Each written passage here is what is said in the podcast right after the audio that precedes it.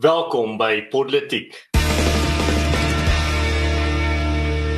Ek is Herman Pretorius en saam met my vandag in die virtuele ateljee is Ernst van Sail en Paul Marit en in vandag se episode sonder werk steeds ingeperk en Malema haat nog sterk. So Paulus, wat wag op ons vandag?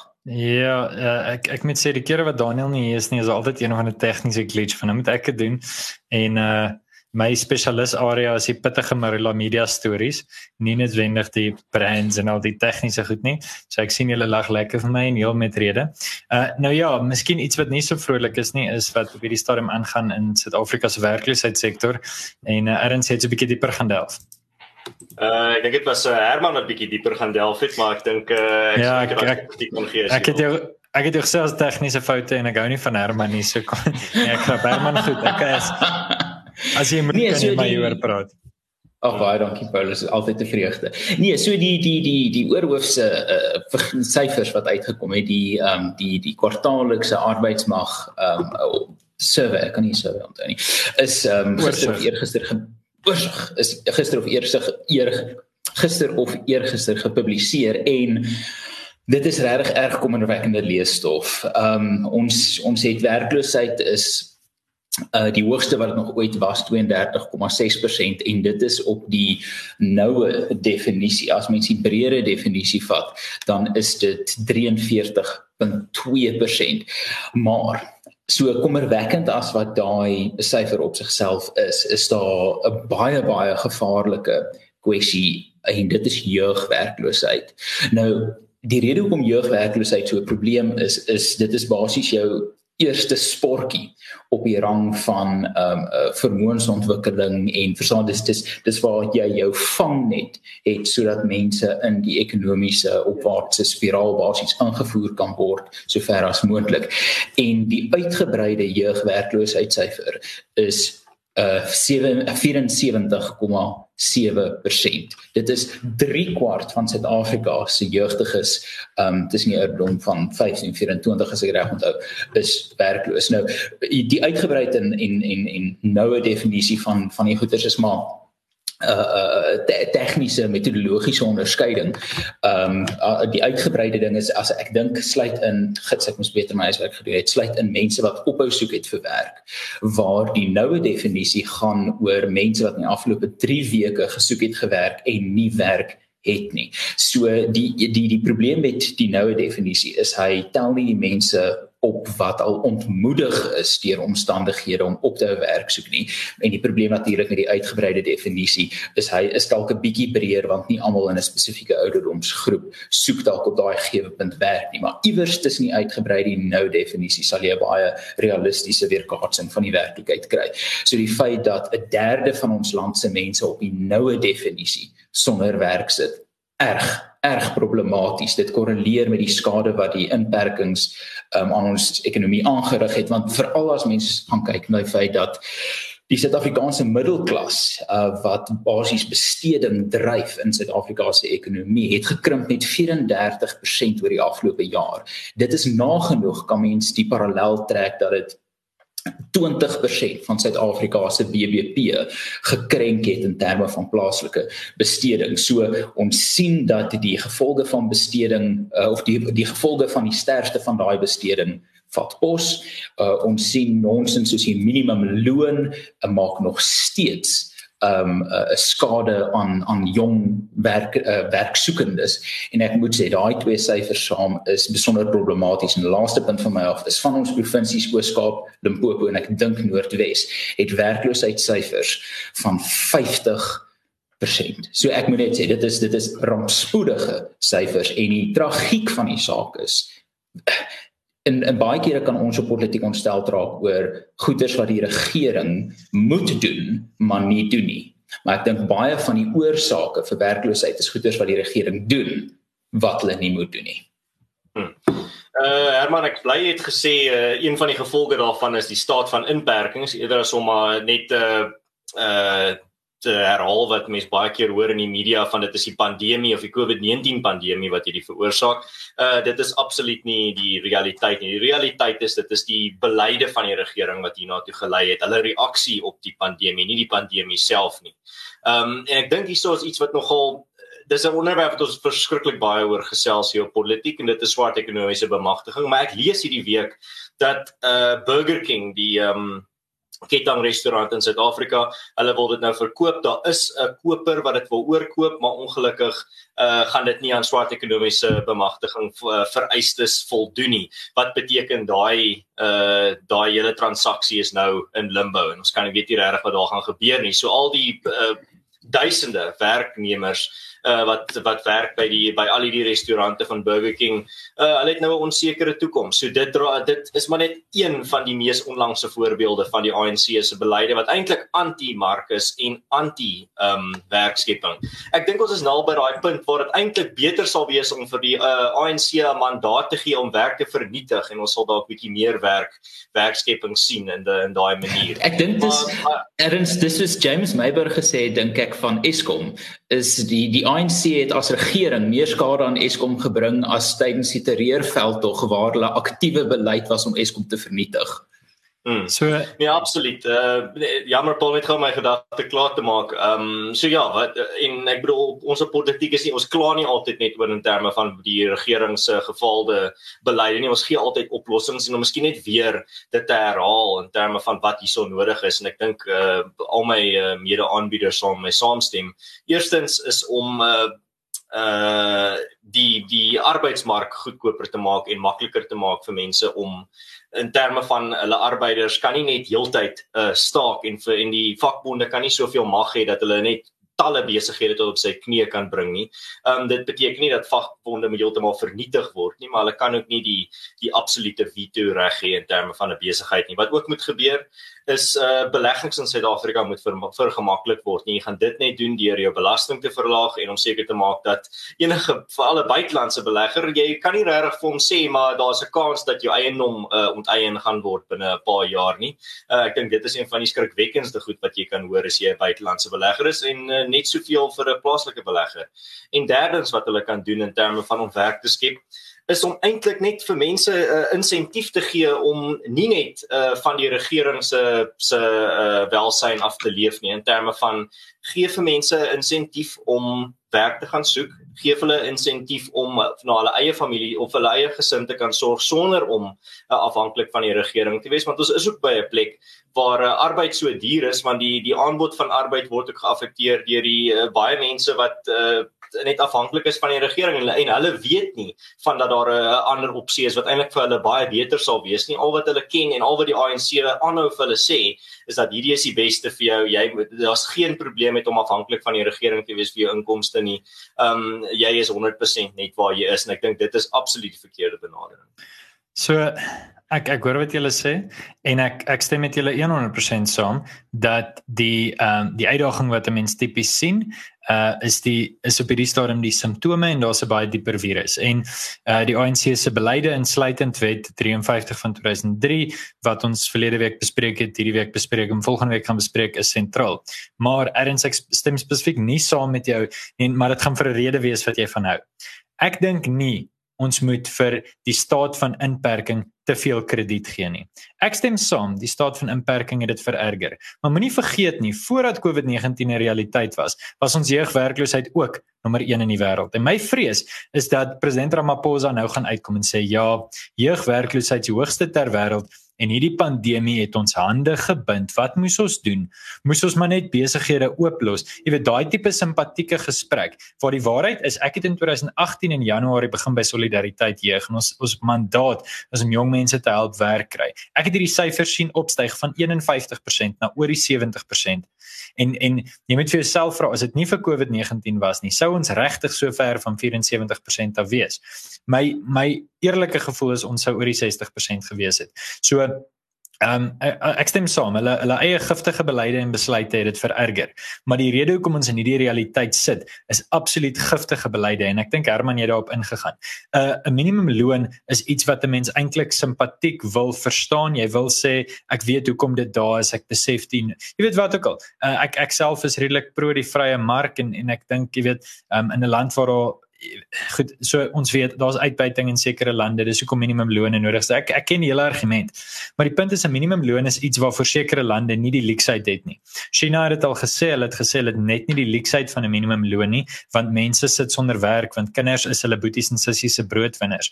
Um, en en Thomas Sowell het dit eintlik die beste gesê. Hy het gesê toe hy in Chicago groot geword het um, was 'n klein seentjie wat met 'n flits geloop het in die bioskoop en vir jou jou sitplekke gaan wys het en jy het vir daai seentjie 'n dollar gegee of 50 sent of wat ook al. En vandag danksy die minimumloonwet raai seentjie nie meer werk nie en jy val oor jou voete op pad sitplek toe. En ek sê nie ons moet kinders aanstel nie. Wat ek dit sê daar moet bietjie logika geïmplementeer word en ons kan nie aanhou om Europese wetgewing blindelings te dupliseer nie. Ehm um, en en dis waar die fout lê en en soveel as wat ek saamstem inperking het dit vererger is my vrees dat die ANC dit gaan gebruik as dekmantel vir hulle eie horribale horribale implementering. Ehm um, so ek dink oorhoof stem ons saam oor die probleem. Uh maar dat COVID-19 regtig die die wortel is. Wel ek sê nie jy het, jy het nie gesê die wortel nie, maar hulle gaan agterweg kruip. Kyk maar. Ja, nee, ek moet sê die die ding en ek dink ons het dit al hier op politiek genoem is um die COVID-19 en die inperkings wat daarmee gevolg het was regtig 'n tendens versneller. Um dit was nie 'n tendens bepaler nie. Dit het dinge wat sou gebeur net eenvoudig vroeër laat gebeur. En en ek ek dink dit is uh um tipies wat gebeur in in as as 'n staat homself sentraal posisioneer ekonomies en sy geld opraak, dan kry jy daai uh versnelling van agteruitgang. En ek moet sê soos Daniel Elofal uh, gesê het, uh, die regte minimumloon is 0. Ehm um, so dit dis dis dis die tragiek van die saak en uh, as daar interessante beleid is om na te kyk, is dit hierdie idee wat die wat Gwen Gwenya uh, beleid oor van ideaal so 'n paar jaar gelede voorgestel het dat ehm um, mens kan 'n uh, 'n uh, uh, uh, opt out of 'n opt in minimumloon hê dat as jy desperaat genoeg is vir werk jy self kan besluit jy en jou werkgewer werkgewer skort dit daai op. So daar is oplossings op die tafel. Dan moet net prakties daarna gekyk word. Gepraat oor prakties en daarna gekyk word en die gevolge van inperking. Wel ek dink watter dag vier ons vandag Paulus? Dag 465 van 14 of 21 dink ek Dis uh, 444 is maklik om te onthou, jy weet wanneer 'n getal 3 keer herhaal word, partykeer is dit van die bose. Ehm um, en uh partykeer is dit gelukkig so 777, maar uh, ons is op 444. Maar wag, hoe daai 7 is organiseer, besop nou net Paul. Ja. Okay, so so easy easy ding. easy easy ding. Ek wil ek wil bietjie iets vreemd doen en ek weet julle is meer regsgeleerdes, Herman en Daniel ou LLB's. Um en ek dink erns jy het meer vroeër in jou lewe in die politiek ingaan wat natuurlik met beleide werk. In die kommentaar afdeling het ek vir jou as politiek luisteraar die wet gesit waarna ek wil verwys. Um maar die die ding wat ons hierna moet kyk is 'n uh, wet wat in 2002 in die Gazette verskyn het. Ek wil net spesifiek daarby kom. Dit is uh op 15 Januarie 2003 het hy in werking gekom. So dis die rampebestuurwet. En in hierdie wet se 27ste seksie, so wat jy sal nou tipies sal lees is dat hulle praat van section 27 praat hierdie wet oor die Declaration of National State of Disaster en hier gee dit vir die regering bepaalde regte om te doen. Hier so bladsy of wat van punte.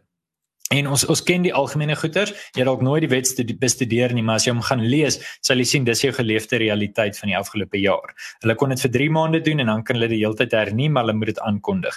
Ehm um, die punt hiervan is om uh die die publiek te assisteer om eiendom te beskerm, om geweld en en uh ontwrigting te keer. Al daai mooi goeters. Maar die punt wat gemaak word in die media op hierdie stadium en dis waar ek eintlik julle mening sal wil kry, uh, ek ek dink ek weet hoe julle voel hieroor, maar die punt wat gemaak word is dat hierdie wet misbruik word. Waar kom die misbruik in? Dit kom in op hierdie punt.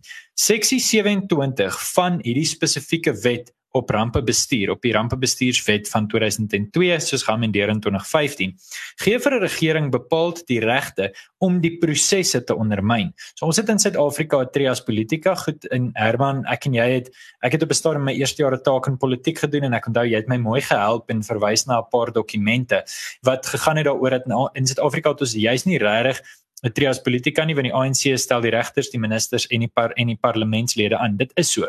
Maar daar's nog steeds 'n geleentheid vir oppositiepartye om vrae te vra. Daar's nog steeds geleentheid vir oppositiepartye om op die regterlike dienskommissie te kom ensovoorts. So, hier is die probleem. Seksie 27 gee vir die kabinet spesifieke en uitsluitlike mandaat en nie net die kabinet nie, maar die ministers wat die president met die hand gekies het of wat die minister met die hand gekies het, 'n spesifieke mandaat om die land te heer. So ons is eintlik in 'n as ons leef in 'n in 'n 5 jaar demokratiese siklus, beteken dit jy het so ongeveer 1850 dae, 1900 dae wat jy jou verskil kan maak as regering in daai 5 jaar. Die probleem is ons is nou al vir 'n kwart van dit op so 'n punt waar daai demokrasie nie regtig werk nie. Want jy kan iets in die parlement sê jy kan iets jy weet in 'n hof beslis hê maar uiteindelik laat seksie 27 die ministers toe om eintlik 'n groot deel daarvan te negeer. Hulle hoef nie vir jou te luister nie. Hulle kan doen wat hulle wil. En eintlik word jy dan 'n baie meer spesifieke uh oligargie waar vier of vyf mense die land regeer of 'n mens kan dit dalk maar 'n tirannie noem want hulle almal praat uit dieselfde mond ek weet dit klink hard Maar die punt is demokrasie kan nie funksioneer terwyl ons in hierdie staat van inperking is nie. En ek het hierdie storie by Daniel oorgeneem. Hy sou dit hanteer het. Daniel, ek hoop ek het die uh, ek het die storie uh, gereg gedoen en nou wil ek julle twee ouens wat dalk meer krities in die, in die openbaar is as ek, wil graag hoor of julle my saamstem. Ja, nee Paulus, ek ek moet sê ek stem nogals uh breedweg met jou saam in die breë trekke, maar een waarskuwingsnota wat ek wel hier sal klink is Ons het in die afgelope jare en ag as Daniel nou net hier was dan sou dit hy baie baie insig op hierdie spesifieke punt kon gee. Die grondwetlikheid van uh die die rampbestuurswet en die regulasies um en die rasionaliteit daarvan en, en al daai dinge was regtig uh, nogals juridies getoets hierdie afgelope jaar. En ek dink een ding wat mense gefrustreer het en wat uh genoem wat wat 'n 'n aardige taktiese ding is om te begryp, is dit help nie altyd om die groot kwessie te probeer aanspreek nie. Daar was litigante wat probeer het om die volledige ramp uh, bestuurswet ongrondwetlik te laat verklaar. Nou, die probleem is as mens realisties gaan kyk na wat 'n in 'n in 'n hof aangaan. Is dit 'n mens wat daarso sit? Dis nie een of ander formule wat jy inpons dan kry 'n resultaat nie. Daar's also 'n mens aan die ander kant van daai regsbank wat 'n besluit moet neem wat hulle maatskaplike en ekonomiese en politieke uh, konteks in ag moet neem en geen hooggeregshof regter in Suid-Afrika sal so braaf of so waaghalsig of dalk so onnosel wees om 'n volledige wet soos die rampbestuurswet eensklaps ongrondwetlik laat verklaar nie. So wanneer ons kritiek lewer en wanneer ek nou gaan sê ek dink hierdie element van die van die wet is ongrondwetlik, beteken dit nie dat die beste taktiese manier om dit te benader is om 'n hof te probeer dwing om die parlement te sê op sy te stel nie. So dis dis is een punt wat ek wil maak. Die volgende punt dink ek is ons het hier 'n probleem van die parlement. Die parlement is nie besig om sy rol hier te vertolk nie. En soos Paulus soos jy reg uitwys, ons het 'n nominale skeiding van magte. Daar is hierdie idee dat die president is 'n lid van die parlement uh, hy word verkies of hy of sy word verkies vanuit sy posisie as 'n parlementslid en dan hou hy op om 'n parlementslid te wees want hy word dan die uitvoerende gesag. So nominaal het ons hierdie skeiding en die idee is dan dat die parlement iewers begin tande wys en dit het nie gebeur nie.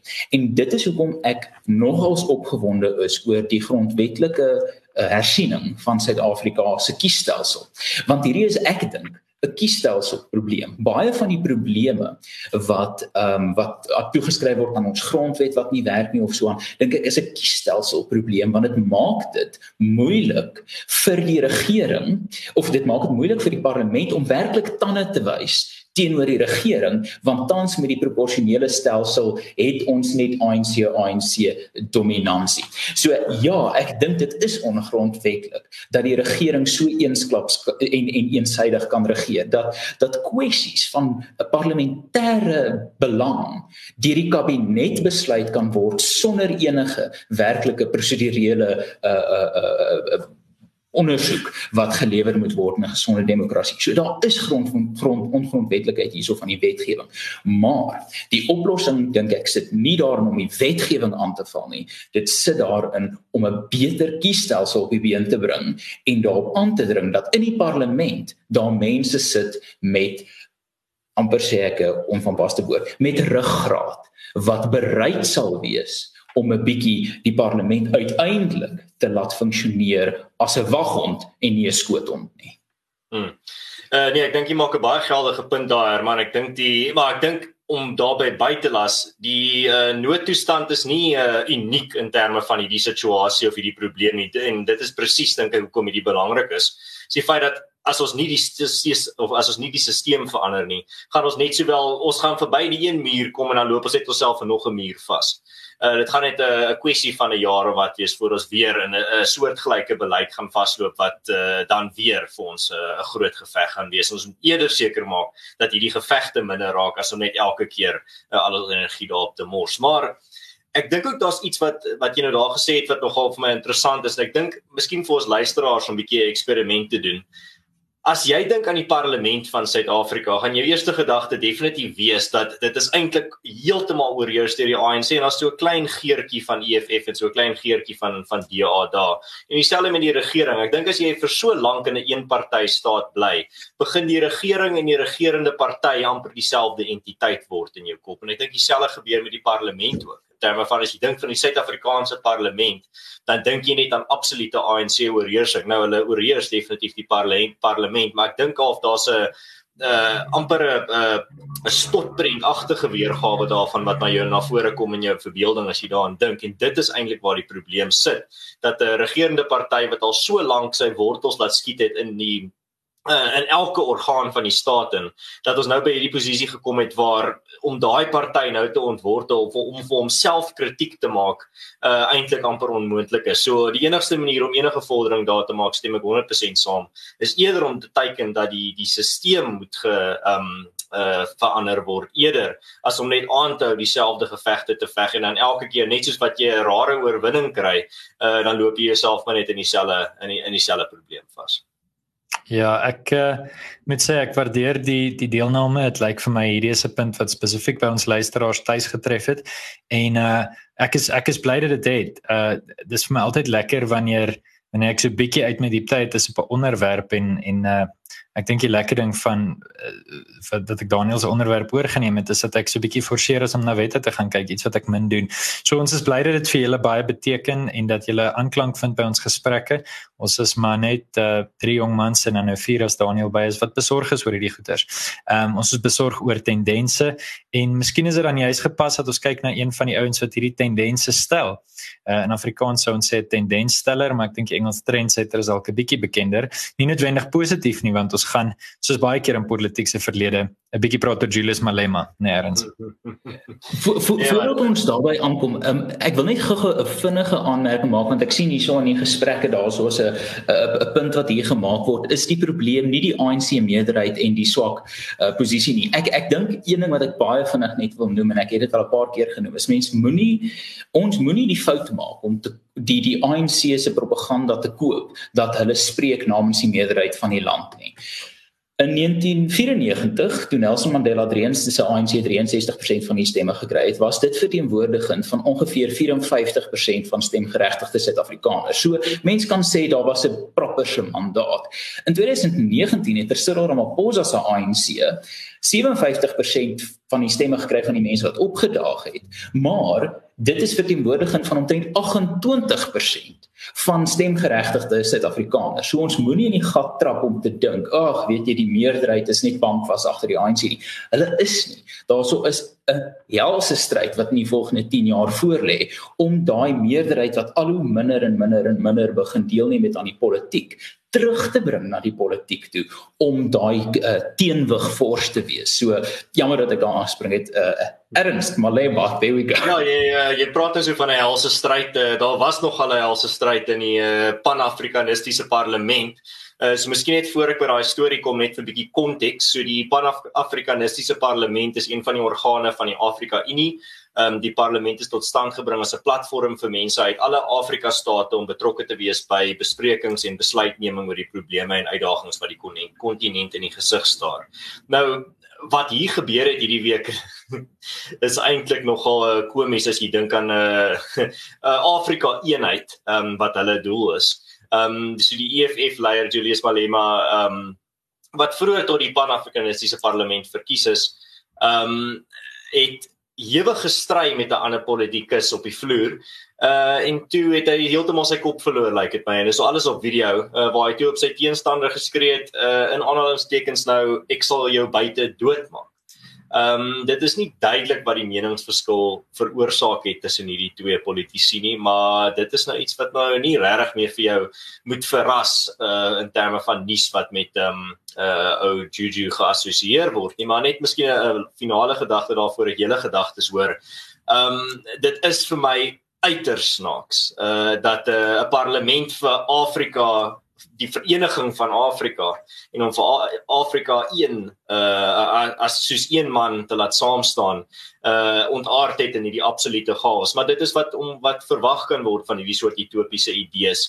Um, die die ouens die die pan-afrikaniste is nie die eerste ouens wat hierdie utopiese idees uitgedink het nie. Hulle het eintlik so 'n bietjie plagiaat gepleeg uh, en dit kom van daai kontinente wat hulle niks mee te doen wil hê nie. Hierdie idees kom van Europa af en uh dit was al voor hulle probeer uh sla, pan-slaviese ehm um, uh uh die pan-slaviese beweging was ook probeer lank terug en dit het ook absolute chaos veroorsaak. Ehm um, so ja, hierdie is 'n uh, idee bietjie ouer as uh, die EFF en 'n idee baie ouer as uh, as Suid-Afrika.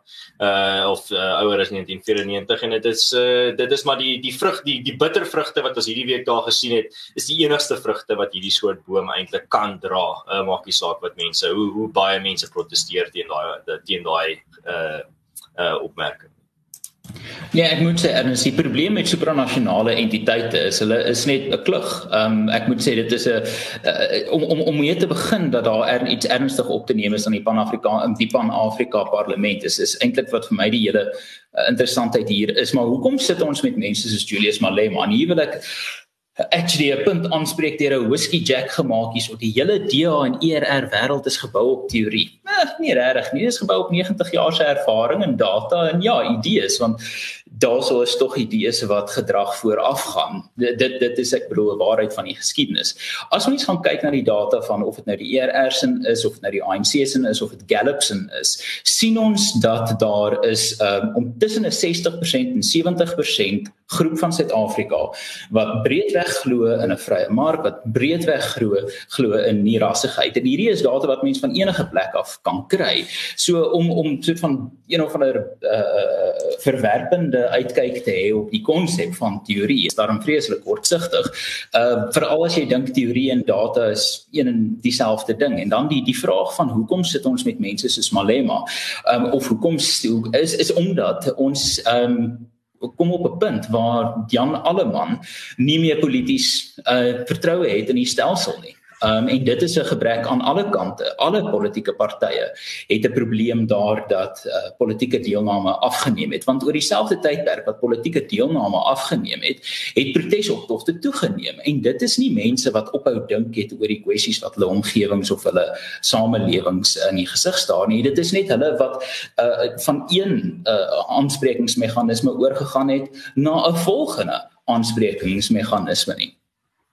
Ehm uh, moet net nie daar se drie wat byvoorbeeld dink rassiste is probleme. Julle vra julle vra vra nie eers nie. Ag, whisky Jackie, verragtig jy is nou besig om hier te kibbel oor metodologiese kwessies waaroor jy duidelik nie veel weet nie. Gaan lees die verslag. Dis alles daarso en dis soos ek sê, nie net ons data nie. Gaan kyk na die ANC se eie interne data. Gaan kyk na Gallup se data. Daarso is ehm um, 'n realiteit daar buite wat mense uh, ondenkend inkoop as hulle die ANC en die EFF se propaganda glo want dan het mense hierdie situasie waar mense soos Julius Malema onteenseglik demokratiese mag kry onverteenwoordigend van wat die land werklik wil hê. So as jy 'n probleem het met teorie en data, wat vir jy doen die moeite om 'n bietjie daarna te gaan kyk.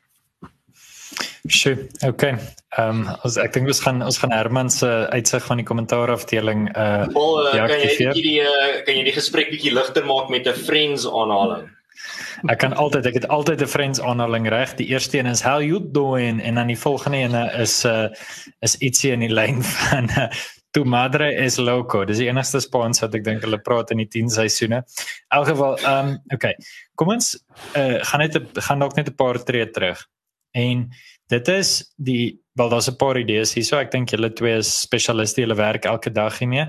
Ehm um, ons kan praat oor die idee van 'n Pan-Afrika wat 1963 eintlik maar gebore is in Ethiopië en hoe Suid-Afrika by daai beweging aangesluit het en hom in 'n mate gelei het onder die Mbeki faksie. Ehm um, die jy weet I'm an African toespraak en al die dinge. Ons kan daaroor praat. Ek wil 'n bietjie 'n ander fokus gee. Eerstens van is my sterkpunte navorsing en ek gaan dit beter doen. En tweedens want ek dink julle het het in 'n sekere mate die die punte uh, uitgeput. Nou ja.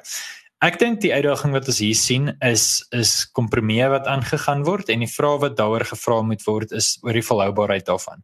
Besef gehou dat as jy Afrika se grense sou wegvat en jy maak 'n Afrika Unie, Sub-Sahara Afrika Unie, dan klim jy in die bed met wat 37 ander lande en jy is in die bed met hulle. En dit is so. En daai grense gaan oop en dit is so.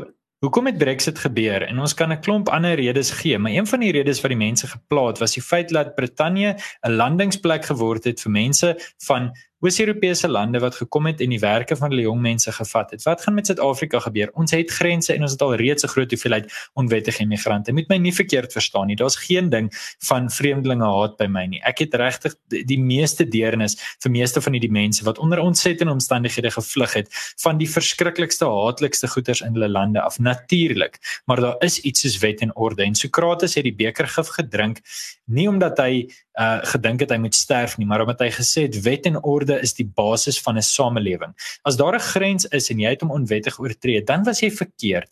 En ek verstaan jou, ek ek verstaan jou probleme, maar gaan verklaar jouself dan as 'n vlugteling. Kom ons doen iets daaraan. Kom ons verander wetgewing. Kom ons, jy weet, en en nee, dis nie 'n ideale stelsel nie. En as ek Churchill mag aanhaal, demokrasie is 'n verskriklike stelsel, maar dis die beste een wat ons het. En dis my eie vertaling. Hy het dit nie in Afrikaans gesê nie. So, Ehm um, waar kom ons uit? Ons kom uit by die vraag: gaan ons hierdie bed betree? Onthou, jy kan net jou plaas fisies besit dat dit joune is in twee of drie van daai lande. Ek dink in Zambië, Namibië en Suid-Afrika kan jy grond fisies besit dat dit joune is. In al die ander gevalle hier het dit by die by die hoofman in die streek of by die president of by een of ander stelsel. Nou wat wat doen jy nou? Want nou is jy deel van daai stelsel. Ehm um, openbare vervoer, brandstofverspreiding en regulering, wapenhandel. Al hierdie goeders is belangrike punte om te noem. So nou hou ons 'n parlement. Goed, ja, daai parlement het het absoluut misluk en ek dink die hele wêreld lag vir ons dat mense na mekaar toe skop en mekaar gooi met goeders en allerlei goeders noem in die um, naam van Afrika eenheid. In die naam van Afrika eenheid, ek dink Malema het homself baie sleg gedra en uh, ek weet nie of daar strukture is wat hom kan betug nie, maar goed uiteindelik uh is ek nie oortuig en ten sterkste nie oortuig dat ons enigstens gereed is vir 'n gesprek om Afrika verder te verenig nie en my persoonlike beginsel is dat ons nie behoort nie. Ek glo nie dat Afrika een gedeelde stuk geskiedenis het nie. Ek glo nie dat Europa een sterk gedeelde stuk geskiedenis het nie. Dit was vir hulle makliker want dit was 'n klomp sterk ekonomieë en hulle wou die handel vergemaklik. Hulle wou nooit hulle kulture opgee nie. Hulle hulle wou nooit 'n kulturele smeltpot word nie. Mense gaan kyk na Nigel Farage se toespraak toe hulle toe hulle Europa verlaat het. Sy laaste toespraak was amper 'n mate profeties wat hy gesê het sy ouers wou deel word van een mark. Dis hoekom hulle daarvoor gestem het. Hulle wou nie deel geword het van 'n ongereguleerde wetgewer nie. En dit is wat inherent hier gaan gebeur. Jy gaan sosialisme op 'n supervlak hê, jy gaan 'n Sowjetunie hê met Afrika waardes. En dis nie 'n belediging van Afrika waardes nie, dis 'n realiteit wat ek daar stel. Uiteindelik, ehm um, dink ek in wat as ek dit prakties kan stel, ek is bly hierdie stelsel is oneffektief want ek dink hoe langer hy oneffektief bly, hoe groter is die kans om alternatiewe daar te stel. Maar ek is nie in beginsel ten gunste van so 'n kompromie in die eerste plek nie. Moet dit nie verkeerd verstaan nie. 'n Pan-Afrika parlement is niks anders as 'n kompromie nie. Ek gee vir jou iets en ek kry iets. Is dit wat ek gee die moeite werd vir dit wat ek kry? Selfs Malema mag dalk begin wonder vir my ek wonder nie ons moet ons eie soewereiniteit behou en dit dit kan nie bevraagteken word nie. Hmm. Ehm uh, miskien net 'n finale gedagte van my kant af. Daar's 'n uitstekende aanhaling deur Peter Richards wat gesê het dat Ethiopië is aan die ander kant van 'n see van bloed en jy's 'n klein bootjie en jy kom nooit daar uit nie. En hierdie is Ethiopiese denke. Herman, wil jy nog iets bydra of kan ek uh, uiteindelik aan nee, nee, nee, ek ek ek smart uitsit? Nee, Nee, ek ek ek ek ek hoe alles wat jy sê, ek het 'n diep diep diep skeptisisme van enige supranasionale entiteit. Ek was 'n groot voorstander van die hele konsep van Brexit. Ek bedoel die idee uh dat jy mense uh, so kan saamflans in 'n eenheid vorm. Jy het dit perfek saamgevat in die absurditeit daarvan uitgewys. Nou ja, soos uh, Manchester City se uh, uh, momentum is hierdie episode vir eers verby. Die van wat my op sosiale media volg sal verstaan hoekom ek dit sê. As jy hou van wat ons doen, klik op die subscribe knoppie. Ehm um, en dan klik op die klokkie sodat jy weet wanneer ons lewendig uitsaai. Ons nooi jou as luisteraar uit om self te nonsens. Dankie dat jy deel is van die gesprek. Jy kan dit natuurlik meer en meer doen. Ehm um, en uh, jy kan ook inskakel op ons Telegram kanaal waar ons eh, 'n uh, bietjie na julle voorstelle luister vir hoe ons ons proses kan verbeter. Maak gerus kontak as jy besigheid op politiek wil bemark en jy is ook welkom om ons 'n resensie te los op die platform wat jy gebruik.